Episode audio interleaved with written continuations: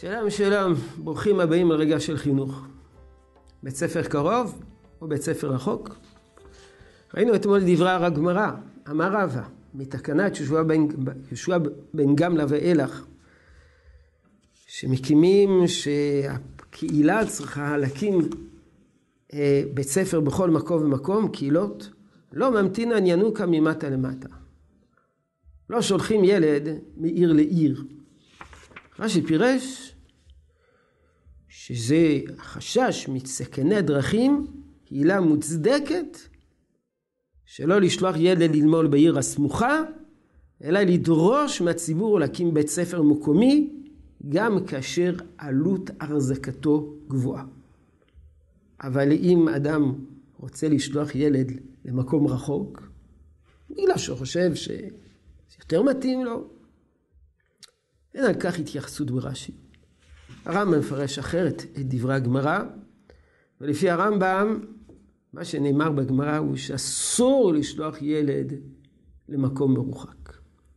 מוליכים את הקטן ממלמד למלמד אחר שהוא מאיר ממנו, בין במקרא בין בדקדוק.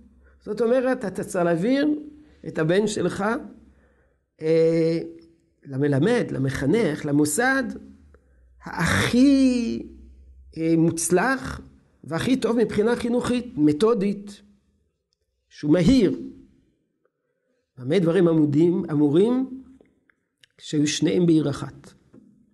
ולא היה נער מפסק ביניהם, אבל מעיר לעיר, או מצד הנער לצידו, אפילו באותה עיר אין מוליכים את הקטן. זאת אומרת, אה, גם אם יש בית ספר עדיף, יותר מוצלח, בעיר אחרת, יותר מהיר, יש יותר הספק, דקדוק, לומדים היטב את ה... בצורה מדויקת, אסור לשלוח. למה? כי הנסיעה מעיר לעיר היא מסוכנת. הרב חיים דוד הלוי בשו"ת עשה לך רב הסתפק אם גם במציאות ימינו אסור להוליך ילד ללמוד בעיר אחרת. בעבר, הגעה לבית הספר הייתה כרוכה, הייתה רגלית והייתה כרוכה בסכנות. הילד היה צריך לחצות יערות אה, שהיו בהם חיות, דובים ואריות. אב ימינו משימי את הילד בהסעה מאורגנת. אולי אין שום סכנה, או הסכנה פחותה, וכבר אין איסור בדבר. אבל נשים לב, שבאותה עיר מוליכים את הקטן למלמד אחר שהוא מאיר ממנו בין במקרא בין בדקדוק.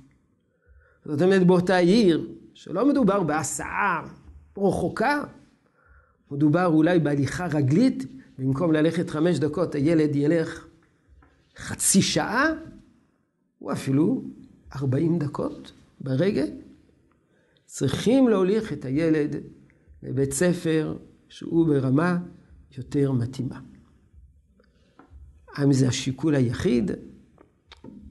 בעזרת השם נראה שישנם שיקולים נוספים. יהי רצון שתשרה הברכה בעבודתנו החינוכית. שלום ושלום.